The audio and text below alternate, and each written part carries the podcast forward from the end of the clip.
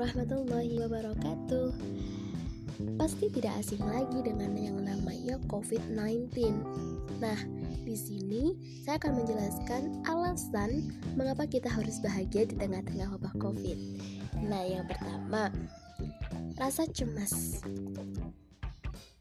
Rasa cemas di tengah-tengah wabah corona memang sulit untuk dihindari. Namun, pastikan kamu tidak cemas berlebihan. Kecemasan yang teramat sangat malah bikin tubuh kamu menjadi sakit.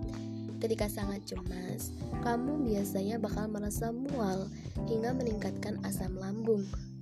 Ini malah membuat kamu berisiko terkena penyakit pada sistem pencernaan.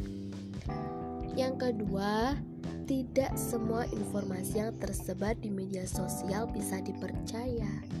Selama menghadapi wabah COVID, pastikan kamu tidak mengakses informasi dari sumber yang tidak jelas. Tapi bukan berarti kamu harus menghindari semua informasi yang ada. Namun kamu harus tetap stay up to date mengenai kabar terbaru soal corona. Namun, pastikan sumber informasi itu terpercaya kamu bisa mengakses info soal corona langsung dari situs resmi Badan Kesehatan WHO atau informasi yang dipublikasikan Kementerian Kesehatan Indonesia. Yang ketiga, stres. Stres yang berlebihan bisa meningkatkan produksi hormon kortisol. Dalam jangka waktu yang panjang, hormon ini bisa menurunkan kekebalan tubuh jika kekebalan tubuh sudah menurun, penyakit apa pun bisa menyerang kita.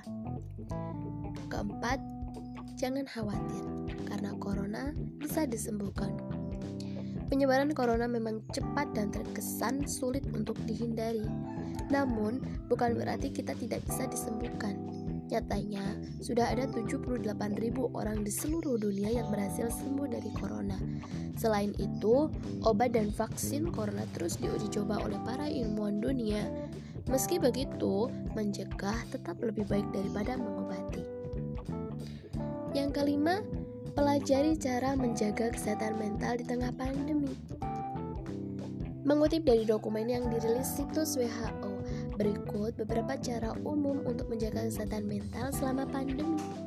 Yang pertama, Jaga komunikasi dengan orang-orang terdekat, misalnya video call atau pesan singkat, telepon, dan kurangi paparan informasi yang tidak jelas in, uh, sumbernya. Perbanyak pula informasi mengenai pasien corona yang berhasil sembuh, termasuk cara penanganannya yang tersedia di tanah air. Penting juga untuk mengedukasi diri mengenai informasi rumah sakit dan pusat kesehatan mana saja di dekat kamu yang harus kamu hubungi ketika merasa kurang sehat. Jaga kesehatan mental, fisik, serta olahraga ringan di rumah. Hindari makanan dan minuman mengandung kafein yang bisa meningkatkan kecemasan. Dan yang terakhir, jaga pola tidur yang cukup. Cintai hidupmu dengan bahagia tiap hari. thank you